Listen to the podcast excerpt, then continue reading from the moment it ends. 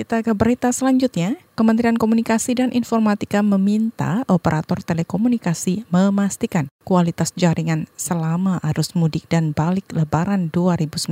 Pelaksana tugas Kepala Biro Humas Kominfo Ferdinando Setu mengatakan gangguan jaringan telekomunikasi harus diantisipasi untuk menjamin lancarnya layanan bagi pelanggan. Kata dia, Kominfo menyiapkan sanksi bagi operator yang tak berkomitmen menjaga kualitas jaringan. Kalau mereka uh, apa QoS atau quality of service yang menurun akibat dari uh, permintaan yang banyak, lonjakan uh, pemakaian yang banyak di mudik dan lebaran itu yang kemudian kita akan berikan semacam uh, apa teguran-teguran atau sanksi-sanksi yang telah diatur di peraturan Menteri kita dari Kominfo.